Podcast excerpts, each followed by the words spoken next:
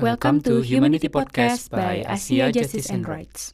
Learning Humanity, Unlearning Impunity. Serial Sapu Kisah, Buka Mata, Buka Hati. Perempuan tidak pernah punya hak untuk berbicara, apalagi tentang perusahaan kelapa sawit dan segala keputusan pentingnya. Tidak pernah. Memang begitu kenyataannya di distrik Unurum Guai ini. Laki-laki tidak pernah mau memberi kesempatan itu Padahal mama juga mau memberi tanggapan mengenai perusahaan sawit. Saya VS dan perempuan lain yang mau berbicara harus bersifat laki-laki dulu dan menantang mereka, baru boleh berbicara. Tetapi tidak semua perempuan mau mengambil sikap ini. Akhirnya banyak yang takut dan diam. Waktu perusahaan perkebunan kelapa sawit datang tahun 2010, mereka mengadakan acara para-para pinang dan memotong sapi. Perusahaan berjanji akan menyekolahkan anak-anak kami, membangun rumah-rumah warga, dan memberi plasma atau tanah lahan.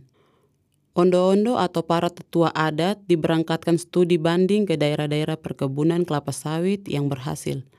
Mereka masih menunggu janji itu akan ditepati oleh perusahaan, sampai beberapa ondo meninggal dunia. Rasa sakit hati menanti janji yang tak kunjung terlaksana ini sudah mendarah daging, bahkan menurun sampai ke anak cucu mereka punya harapan besar dengan menyerahkan tanah adat ini. Harapan akan hidup yang lebih baik dan kesejahteraan, salah satunya adalah anak cucu yang berpendidikan tinggi. Kesedihanlah warisan mereka untuk kami, karena hutan yang tak bisa kami buat kembali dan kekecewaan karena orang tua kami dibohongi. Orang tua kami tidak pernah sekolah tinggi, tetapi tidak pernah membodohi kaumnya sendiri. Sesama anak negeri yang tinggal di bawah langit yang sama, Indonesia. Pernah kami memagari tanah adat kami. Kemudian perusahaan datang dan memberi iming-iming banyak hal. Dengan iming-iming itu dan uang sebesar 100 sampai 500 ribu rupiah, akhirnya pagar dibuka. Orang tua kami memberi tanah yang luas, hutan yang kaya dengan timbal balik kemiskinan anak cucunya. Sejak perusahaan datang, kondisi perekonomian di distrik kami sangat rendah.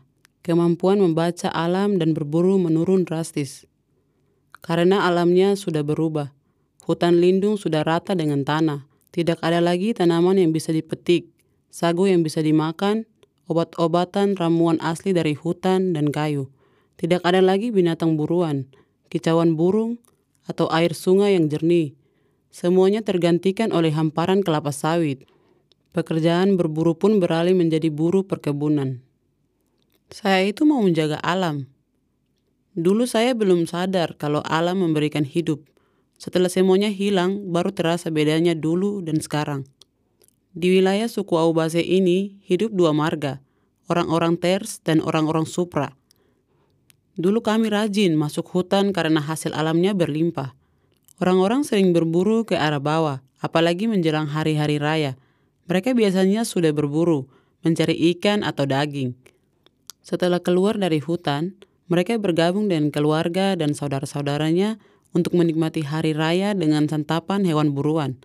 Tapi sekarang, orang sudah jarang berburu karena tersingkir ke daerah pegunungan dan tempat berburunya telah berubah menjadi area perkebunan.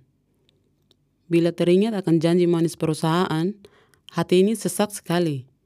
Yang paling terasa adalah anak-anak kami yang malah putus sekolah karena ketiadaan biaya. Padahal para orang tua yang sekarang sudah memburu di perkebunan telah melaporkan hal ini kepada perusahaan tempatnya bekerja dan bahkan berani membuat surat peminjaman uang dengan jaminan pemotongan honor mereka. Namun pihak perusahaan mengabaikannya. Sakit, sedih, marah, semua rasa bercampur di hati kami, mengemis di atas tanah kami sendiri. Belum lagi saat bekerja di perkebunan, tidak ada jaminan upah layak Malah kami didenda untuk kesalahan-kesalahan yang tidak masuk akal. Seperti jika ada buah sawit yang masak tertinggal di pohon pada saat panen, maka dikenakan denda per buahnya Rp5.000 yang dipotong langsung dari gaji. Dan masih banyak lagi. Saya VS, saya salah satu ketua kelompok petani plasma di distrik Unurum Guai. Saya berharap perusahaan menepati janjinya dengan memberi hak kami, masyarakat adat, jika mereka tidak sanggup menepati janjinya, lebih baik angkat kaki saja dari tanah kami. Belum usai penderitaan kami, belum sembuh luka kami, mereka berencana memperluas lahan perkebunan dan menggunakan para tetua adat untuk bisa mewujudkan keinginannya. Kami merasa diintimidasi dan didorong hidup dalam ketakutan. Perusahaan menempatkan pihak keamanan bahkan polisi untuk berjaga di daerah perkebunan. Dalam rapat-rapat antara perusahaan dan warga, mereka selalu menghadirkan aparat polisi, koramil, bahkan ada kopassus. Mereka ingin kami takut. Mereka ingin kami patuh dan tunduk. Tetapi banyak juga bapak-bapak yang tidak takut. Mereka bicara keras di rapat tidak peduli siapa yang datang dan ada di rapat itu. Hidup kami lebih menakutkan dari rasa takut itu sendiri. Setiap ada persoalan mengenai hak tanah adat, urusannya selalu dipindahkan ke kantor polisi. Mereka tahu bahwa kami tidak berpendidikan, bodoh dan tidak tahu hukum. Tapi itu hukum bukan kami yang buat. Bagaimana jika mereka perusahaan tetap bersikeras memperluas lahan perkebunan baru dan terus menggusur tanah kami? Kami meminta kepada semua orang yang pintar, bersekolah tinggi, berpengetahuan luas, dan yang mempunyai kemampuan untuk bisa berkomunikasi dengan para petinggi negeri, agar mau mewakili kami mengetuk dan membuka hati nurani, supaya kita bisa sama-sama berjuang, supaya kami masih merasa memiliki negeri Indonesia.